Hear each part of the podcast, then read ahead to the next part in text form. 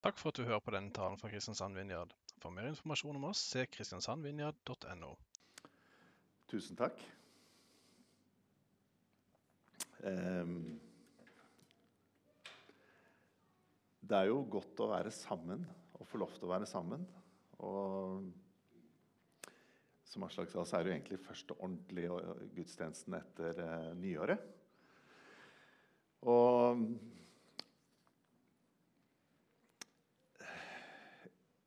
Jeg vet ikke om alle har hørt Alexander Venter, eller hørt om han, men uh, vi har hørt han. Han har vært her tidligere. Og vi har vært på en del konferanser hvor han har vært. Og um, ja, jeg har veldig store forventninger til det at uh, det kommer til å bli helt fantastisk. Han er altså så salva. Jeg husker første gang vi hørte han på Vi var på en konferanse i Vinjard i Trondheim hvor han talte. Og så skulle vi prøve å sette ord på den opplevelsen. Og det var som å sitte på stolen med munn åpen for å drikke og bli eh, en sånn brannhydrant som sto på full guffe og bare kom med åndelig vann. Det var så voldsomt.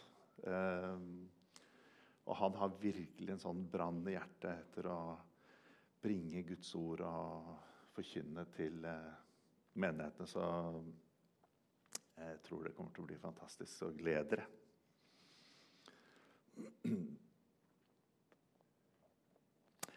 Ryktene om Jesus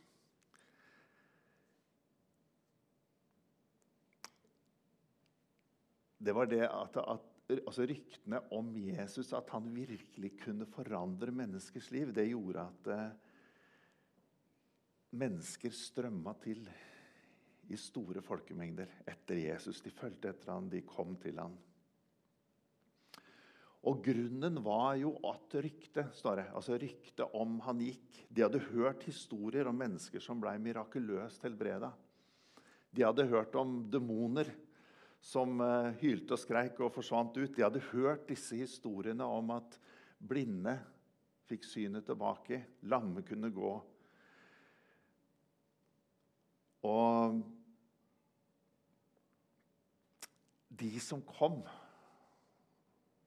var tydeligvis desperate. De var desperate etter gjennombrudd for seg selv eller for familien eller venner. Og det er alle disse historiene hvor de kommer selv og de bringer folk med seg. De bærer folk på bårer. De visste at Jesus kunne forvandle liv.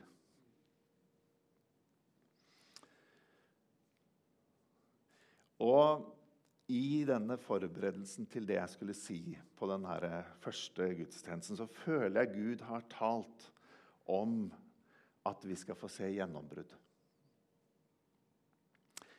Gjennombrudd for oss personlig. Og jeg tror hvis vi alle tenker et lite sekund for oss sjøl Trenger jeg gjennombrudd på et eller annet område i livet? Så tror jeg kanskje de fleste ville sagt ja. Det er alltid noe vi, trenger, vi lengter etter gjennombrudd. Det kan være helse, det kan være avhengighet, det kan være økonomi, det kan være relasjoner, det kan være familie. Vi lengter etter å se gjennombrudd. Og ikke minst i menigheten gjennombrudd til at det, vi virkelig skal bli det som Gud har kalt oss til, til å nå mennesker.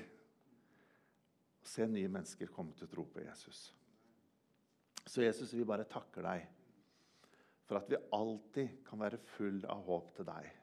Alltid ha forventning til at du skal komme med gjennombrudd, med forvandling, med helbredelse og frihet. Eh, der hvor det ser mørkest ut, der hvor det menneskelig sett ser umulig ut, så kommer du, Jesus, med din nåde, med din kraft, med ditt rike.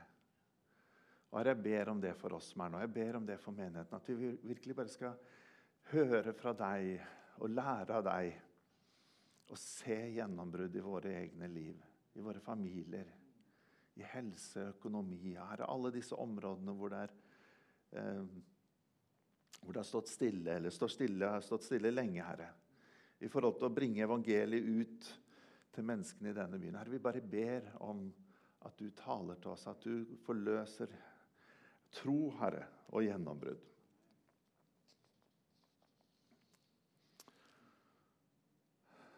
Og vi ber om å høre din stemme.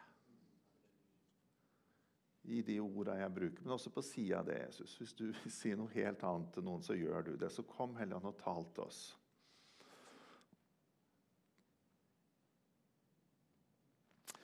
Og så slo det meg at det, når jeg leser i Bibelen alle disse historiene både fra Gamle og Nytestamentet, så er det fortellinger om at Gud kommer nær til mennesker for å hjelpe, for å redde, for å velsigne og for å eh, snu situasjonen. Mennesker som roper til ham. Og så syns jeg det er så fint eh, og Jeg har sagt det mange ganger og brukt det mange ganger, men det, det som Jesus begynte sin tjeneste med, som det står i, i eh, Lukas 4, 18 Så tar Jesus eh, disse gamle Jesaja-skriftene og, og, så leser han Herrens ånd er over meg, for han har salvet meg til å forkynne et godt budskap for fattige. Han har sendt meg for å rope ut at fanger skal få frihet. At blinde skal få syn igjen, og for å sette undertrykte fri. Og rope ut et nådens år fra Herren. Og det var det Jesus gjorde. Ikke, og det er litt rart, for det står 'ett nådens år', men det er ikke ett år i Guds eh, sammenheng, tror jeg. Det tror jeg det gjelder fra Jesus kom og videre helt til han kommer tilbake, så er det et nådens år. Og det var det Jesus gjorde overalt hvor han kom.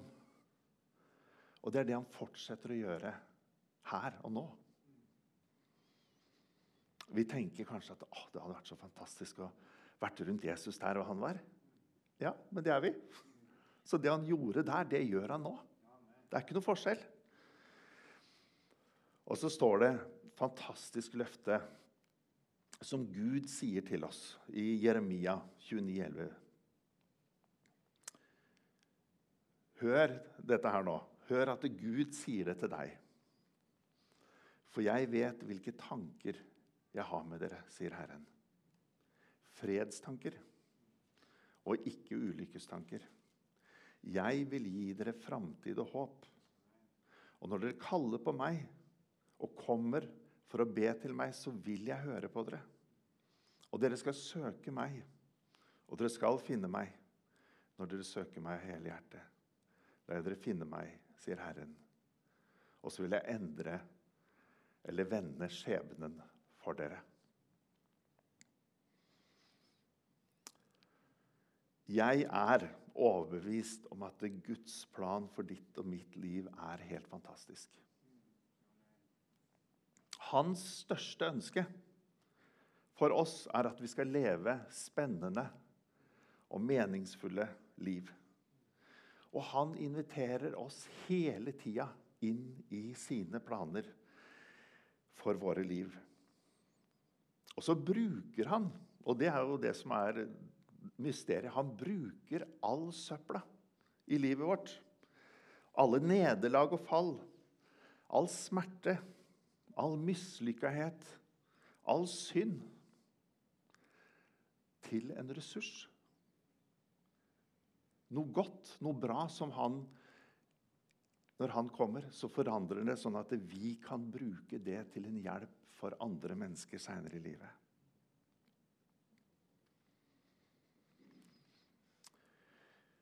Og så er det, syns jeg, fantastisk at dette kan vi få lov til å starte med hver eneste dag. Juhu! Vi kan få lov til å starte på nytt i dag. Da er det jo ikke noe grunn til å være deprimert. Uansett hva som skjedde i går eller tidligere i livet. Vi kan få lov til å starte på nytt i dag. Det er jo helt utrolig. Han blir ikke lei av oss. Og det, Den der første sangen jeg, jeg vet ikke om dere har hørt den eller sett den, men eh, jeg så, så den da jeg satt og forberedte meg på kontoret i går. Og, og, det, og, det synger i den sangen så er det at altså, Gud husker ikke det her søpla og den dritten i våre liv. Han har tilgitt oss. Vi er rensa i Jesu blod. Det er jo helt fantastisk. Så vi får lov til å komme på nytt igjen og på nytt igjen. Og så er det sånn at dette livet, valga vi tar, synd vi gjør, gjør jo at vi kommer på avstand fra Han. Eh, det kan være mange ting som gjør at vi driver litt bort fra det nære forholdet til Jesus. Men så sier han ja, men jeg tilgir deg. Det er greit. Kom igjen. Begynn på nytt igjen i dag. Og så har han store planer for oss. Og jeg håper ikke dere er helt lei av å høre de her historiene om meg. Men det er jo jeg som jeg får bruke mine historier. Men det var jo det som skjedde med meg for Og nå tenkte jeg, hvor lenge var det siden? Jo, 35 år siden. Da hadde jeg gjort akkurat det som jeg sa nå. Jeg hadde tatt masse dårlige valg. Jeg hadde åpna opp for synd. Ehm, jeg var kristen. Jeg trodde på Gud, og jeg ba. Men avstanden blei større og større, og det blei mørkere og mørkere. Og midt inni det, midt inni dette her mørke og synd og utroskap og alt det, så hadde jeg et rop i hjertet mitt til Gud. Midt inni dette mørket. Og jeg var Det var i 1985, tror jeg. Jeg var på en forretningsreise til Japan og skulle overnatte på et fint hotell hos en leverandør oppe i fjellene. På et spesielt japansk hotell. Og så, og så, er det bekmørkt ute, men det er nesten enda mørkere i hjertet mitt. Altså, det er en natt hvor det er så mørkt. Jeg fikk ikke sove, og jeg tenkte at livet mitt er over. Det er slutt. Jeg tenkte at det beste ville vært om jeg døde, fordi det var så masse mørke. Det var så mye skjult i livet mitt. Og jeg husker at jeg tenkte det beste som kan skje for, livet mitt, er at jeg kan få lov å komme til himmelen når jeg dør. Men Gud kan aldri bruke meg til noe som helst i dette livet mer pga. alt det jeg har gjort. alle de valgene jeg har tatt. Og så ropte jeg. Jeg husker ikke hva jeg ropte, men hjelp, Gud. Grip inn, Gud. Og så var det noen måneder etterpå så var det fellesmøter i Kjølling kirke i Larvik. Og så fikk jeg møte Jesus på nytt. Dramatisk. Taleren sa leste fra Johannes' åpenbaring, og så sto det Jeg vet at du bor der hvor Satan har sin trone. Og det var med det ene, Den ene setningen avslørte alt. Det er rart, fordi jeg visste jo at Gud visste, men det var akkurat som det øyeblikket så ble alt åpent. Og Gud sa, 'Jeg vet om alt'. Og så sier han, 'Men jeg kan gjøre noe med det'. Ja, 'Vil du begynne på nytt?' Og så sa jeg ja. Jeg vil begynne på nytt. Og så blei ikke alt fantastisk med en gang. For jeg måtte Det første jeg måtte gjøre, var å reise hjem og bekjenne utroskap for Tove. Og så var det noen år med smerte og sjelesorg. Og Tove var min sjelesørger. Og vi fikk hjelp av andre. Jeg måtte gjøre oppgjør. Jeg hadde ei lang liste. Jeg reiste rundt og bekjente synd og ordna opp en del. Det jeg følte Gud minte meg om. Og en desperat rop til Gud om at han skulle gripe inn og forandre livet mitt. Og så gjorde han det. Sakte, men sikkert så blei det nye vaner. Og jeg husker at det, i perioder så kunne jeg, gå, kunne jeg be i timevis. I desperasjon etter at Gud skulle gripe inn og forandre meg. Og så fikk jeg rett og slett et helt nytt liv. Og i dette her med disse smertene og det, så så jeg første gangen når vi sto sammen og jeg fortalte denne historien, og jeg, Tove delte hva Gud hadde gjort, så det første som skjedde i Nanset kirke, det var at når mennesker hørte denne historien om hva Gud hadde gjort i mitt liv og i våre liv, så kom de. Kan vi få snakke med dere? Og så hadde de også ting som de sleit med, som var uoppgjort, ubekjent, som var i mørket, som de ville gjerne bekjenne og ta et oppgjør med. Og så plutselig så, så Det var noen som sa Kan ikke dere starte søndagsskole hjemme hos dere sjøl? Vi bodde jo midt i et boligfelt. Jo, det, det ba vi jo litt om. Men tenkte ja, det kan vi gjøre. Så vi starta søndagsskole på boligfeltet der vi bodde. Søndag klokka ti. Og det kom i bøtter og spann med barn, og noen ganger med foreldre, fordi vi ville sjekke hva ungene gikk på. Så vi hadde fullt hus hver søndag omtrent. Og de var ikke interessert, for det foreldrene gjorde, selvfølgelig, fordi de sa at nå kan dere gå på søndagsskole, sa de klokka ni. Så kunne de få litt fred. Så De sto på utsida og ringte på og lurte på om de kunne komme inn på søndagsskole klokka ni før vi var ferdig med frokosten. Men det var fantastisk.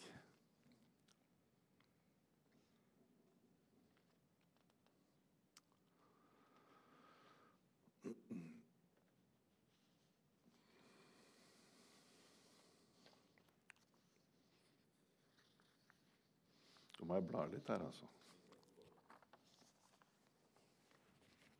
Der var det.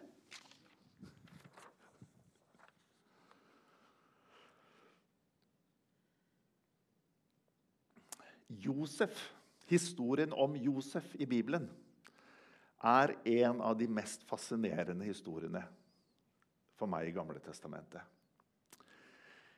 Og har du ikke lest hele den historien, så bare ta Bibelen og si 'Gud talte meg', og så les den historien og nyt det, for det er en helt fantastisk historie. Historien om en ung gutt som vokser opp i et hjem hvor det er eh, mye rart, men også troen på Gud. Så han lærer dette med troen på Gud. Han lærer å at Gud finnes, og hører fra Gud. Og så får han drømmer. Drøm, merkelige drømmer som en liten eller ung gutt får. Eh, og som han forstår tydningene av. At han står og så står både brødrene og faren rundt, og så ser han at de bøyer seg helt ned til bakken for han. Og han skjønte sikkert at dette er noe Gud taler om i framtida. At en dag så skal jeg få en veldig høy posisjon. Og så kommer brødrene og faren min, og de skal bøye seg for meg. Jeg tipper han tenkte det, og så delte han disse drømmene med både faren og broren. Det ble ikke godt mottatt. De begynte med en gang å planlegge å drepe den. Og det endte med at en av de hadde bestemt seg for å drepe ham, så var det en av brødrene som sa at uh, kan vi ikke heller bare selge som slave? Da er vi kvitt den. Da bør ikke vi gjøre det. Så ble de enige om det, og så solgte de den som slave til Egypt. Og Vi snakker noen tusen år siden, så det var sikkert ikke verdens beste rettigheter for slaver. Uh, men Josef ser det ut til at han har et bra hjerte. Han hele tida eh, har troa på Gud. Han ber. Han tar rette valg. Og han gjør Guds vilje der hvor han er. Og så får han framgang. Og så blir han plutselig beskyldt for seksuelle overgrep og blir fengsla. Og Det er jo dramatisk, men altså, han er ca. 20 år, tror de, når han ble fengsla og sitter fra han er 20 til han er 30 år antageligvis i et egyptisk fengsel. Som er nok ikke det beste du kan gjøre i alderen mellom 20 og 30 år. Eh, beste tida av livet, kanskje, sier noen. Så satt han der i fengselet. Og Han var helt sikkert frustrert, og han ropte til Gud. Gud, hva, hva var det med disse drømmene som du ga meg for mange år siden? Var det var det bare tull, eller hva skjer? Men han holdt fokuset. Og han ble tjener. Han, han hjalp de andre i fengselet. Han ble eh, leder for fengselet, og så var det to andre der som fikk drømmer. Og så kunne Josef tyde drømmene. Så han har liksom nærheten til Gud, og han har salvelsen. Han kan fortelle de hva det betyr. Og den ene av de forteller til farao at eh, det er en som sitter i fengsel, som kan fortelle dine drømmer. Nå er det veldig kort historie her, altså. Jeg må gjøre den veldig kort. Så kommer han ut av fengselet, for tyder drømmene, eller Gud gir han tydningen på drømmene til farao. Og farao blir imponert og sier du kan være leder for hele Egypt.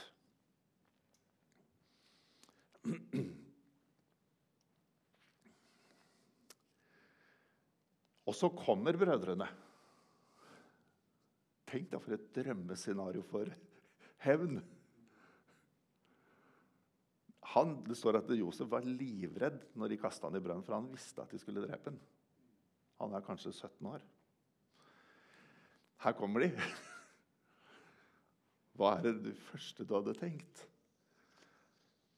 Han er jo, helt, han er jo så ydmyk. Han sliter med han, han må gå ut på bakrommet og grine hele tida. For han har sånn kjærlighet til brødrene sine. Så, så disse åra har nok gjort noe med Josef, har nok forma han. Og så skal jeg bare lese et lite avsnitt. Så Til slutt så klarer han ikke å skjule hvem han er, så han, han sier jeg, jeg er broren deres. Det er meg som er Josef. Og Så sier han, 'Jeg er Josef, deres bror, som dere solgte til Egypt.' Vær ikke nedslått, og anklag ikke dere selv fordi dere solgte meg. Det var for å berge liv at Gud sendte meg foran dere. Og I to år så har det vært hungersnød i landet, og i enda fem år skal det verken pløyes eller høstes. Men Gud sendte meg i forveien for å la dere bli en rest på jorden, slik at dere skal leve, og mange skal bli berget. Så det var ikke dere som sendte meg hit, men Gud. Og han har satt meg til far for farao og til herre over hele hans hus og til herske over hele Egypt. Når jeg leste jeg, jeg, jeg satt på kontoret og leste og gråt. Det er så fantastisk, det som Gud har gjort i Josef. Han hadde lært noe i disse åra med lidelse og mørke. Han fortsatte å rope til Gud. Og han fortsatte å følge ham. Han har tydeligvis tilgitt i hjertet sitt all synd og all urett som har gjort imot ham. Og han har aldri slutta å gi opp håpet. Det er noe å lære av oss, for oss. Når det er mørkt, når ikke vi ser lyset, og når vi enda ikke har blitt helbreda. Og Så hopper vi til Nytestamentet, og der både Peter, Jakob og Paulus skriver nesten ordrett det samme i forhold til det med prøvelser og vanskeligheter. Jeg skal lese fra Jakobs brev, første kapittelet. Se det bare som en glede, søsken, når dere møter alle slags prøvelser. Juhu! Se det bare som en glede, søsken, når dere møter alle slags prøvelser. For dere vet at når troen blir prøvet, så skaper det utholdenhet. Men utholdenhet må føre fram til fullkommen gjerning, så dere kan være fullkomne og hele uten å mangle noe. Og prøvelser, det ordet 'prøvelser' Han er på dataen er kjapp, altså.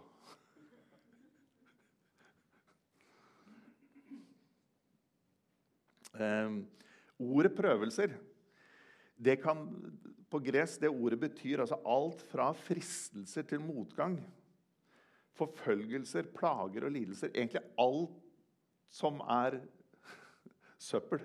Alt vondt og vanskelig er i det ordet prøvelser. Det som livet møter oss med når det er motgang, smerte og lidelse, så er Gud i stand til å bruke det til å forandre oss. Og jeg vet ikke åssen det er med dere, men når det, når det, kommer en storm, eller når det er bekmørkt eh, Hva er det første du sier? Er det halleluja? Eller er det noe mindre hellig når det smeller? Men når vi lærer det, og så tar vi liksom en runde og sier Gud, dette er ikke bra, men takk for at du har en vei gjennom det. Du har en plan med dette her. Vi hele tida snur det til å si, 'Gud, hva gjør du? Hva gjør du med meg?'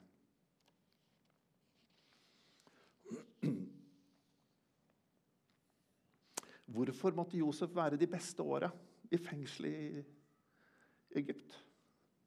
Kunne ikke Gud sørga for at han slapp ut tidligere? Eller at han aldri kom i det fengselet? Jo, selvfølgelig kunne Gud det.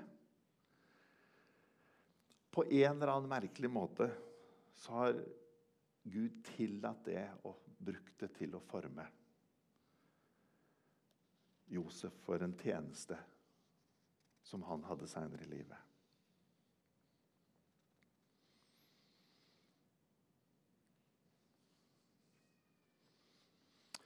Og jeg tror at det, det viktigste å lære for oss, da det er at Gud ønsker å være nær oss uansett hvordan vi har det. Altså uansett disse omstendighetene. Han ønsker å være nær, og han kan og vil være nær oss uansett hvordan vi har det, og uansett hva som skjer oss. Men vi må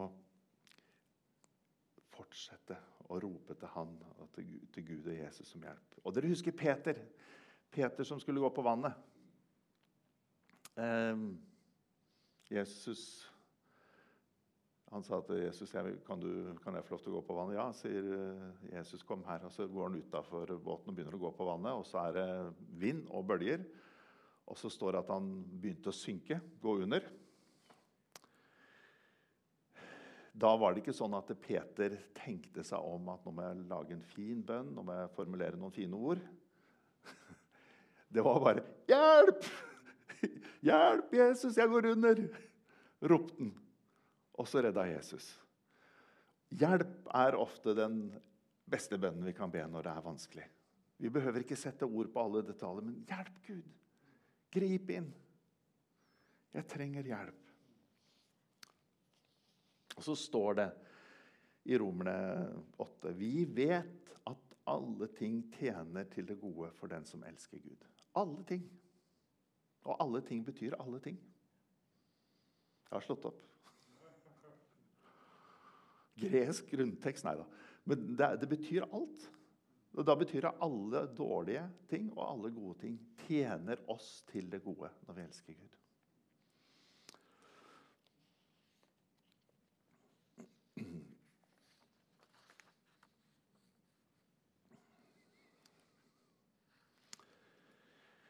Veldig kort til en liten historie når jeg for kan det være 15-16-17 år siden hadde sånn veldig problemer med angst og frykt. Sånn cirka. Jeg ser på Tove, for da får jeg sånt lite nikk. Eller, eller spørsmålstegn. Men jeg hadde det, hatt det tidligere, men det kom opp igjen. Eh, helt ekstrem frykt, dødsangst, panikkangst. Eh, det var, eh, det var skikkelig ille. Det var så ille at eh, jeg forsto at det ville da av spesialister bli kalt en alvorlig psykisk lidelse. For det var så ille. Det var helt ekstremt. Samtidig så følte jeg at Gud sa at jeg vet hva det er. Det er demoniske krefter. Det er noe som har kommet inn, og jeg vil helbrede og jeg vil sette fri. Og det var en krig og en kamp i dager, uker, måneder eh, Nå husker jeg ikke hvor mange måneder. Et år, kanskje. Hvor det var sånn at jeg måtte, måtte det meste av dagene kanskje starte med å gå opp i Jegersberg i noen timer med lovsang og be og krige for i det hele tatt å komme gjennom dagen. Og midt i dette her så hadde vi jo da Graham Powell, noen av dere husker Graham Powell? Som kom og underviste oss om dette her. Men jeg var på en konferanse med han først og lærte masse. Og så tenkte jeg at ja, men dette er ikke bare jeg som sliter, her er det andre som sliter. Så vi sa at ja, men dette kan vi undervise menigheten om. Hvordan vi kan bli fri fra dette her. Så vi bestemte at vi skulle ha et kurs en gang i uka. Tre uker eller noe sånt, om dette temaet. Og jeg husker den ene kvelden vi var hjemme, jeg skulle undervise om det. Og hadde, altså det var så ille, disse anfallene av panikkangst og dødsangst. at jeg sa til Tove jeg tror ikke jeg kan gå i kveld. Det er, det er ikke mulig. Jeg, det er så forferdelig. Jeg klarte nesten ikke å snakke. Det er sant. Og så sier Tove, 'Vet du hva? Om jeg så skal bære deg, så skal du på videre kveld, for dette er viktig.'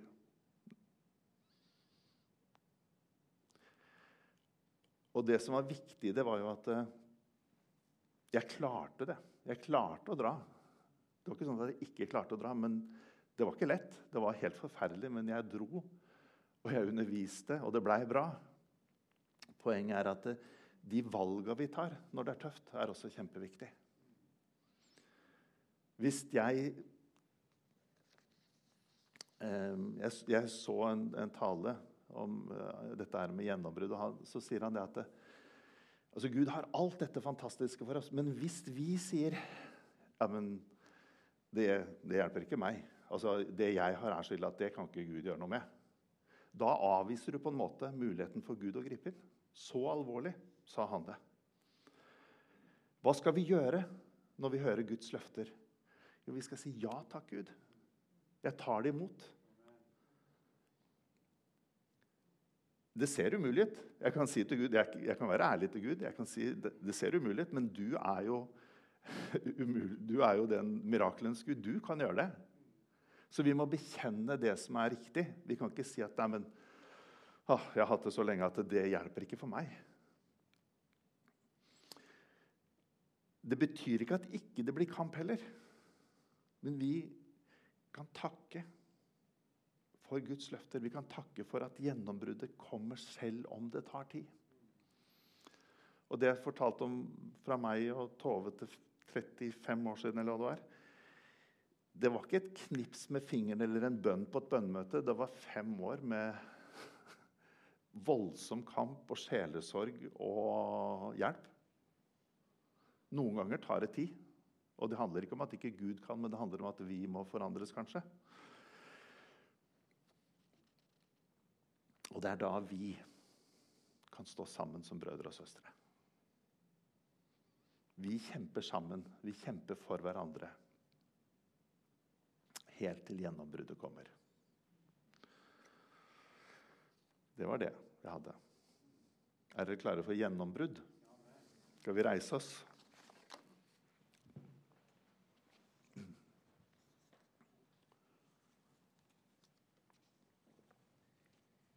Vær konkret for Gud. Hva trenger du gjennombrudd på? Hva er det viktigste? Er det ett område, eller er det flere ting?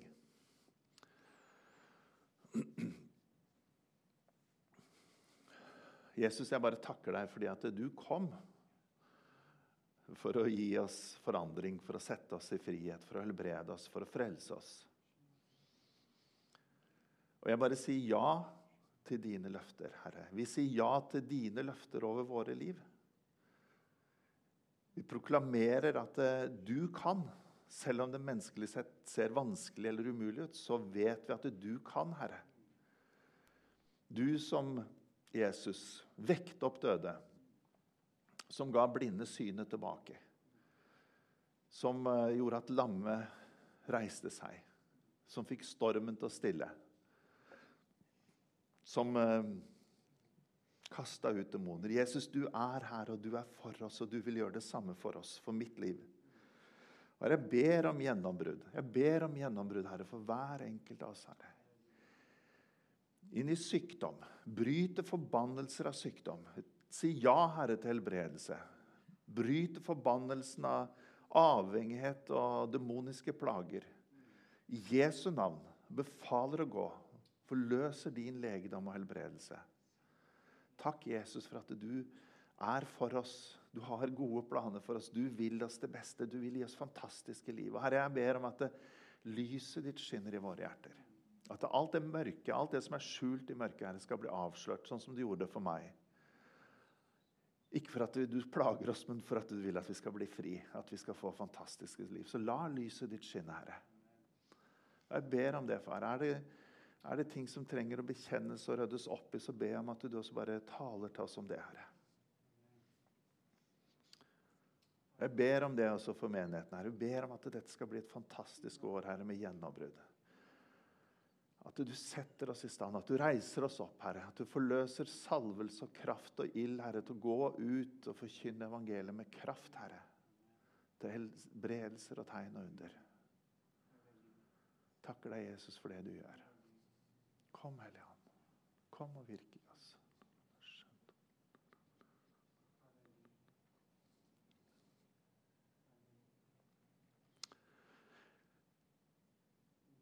Da, da, skal vi bruke tid til å be, sånn som vi alltid gjør. Avslutte med det. Ehm, jeg fikk en smerte rett før eh, møtet, og det var en smerte i venstre kne. Jeg har ikke den nå, så da lurer jeg på om det er rett og slett noen andre som har noe smerte eller plager i venstre kne. Det har du. Det kan være flere. Også, uansett hva det er dere ønsker forbønn, så bruker vi tid nå til å be for hverandre så setter Ivar på litt lovsang. Det ligger munnbind der. Og så er det litt fristende å spørre om den første. Den første du hadde på lista i stad. Kan du sette på den på nytt?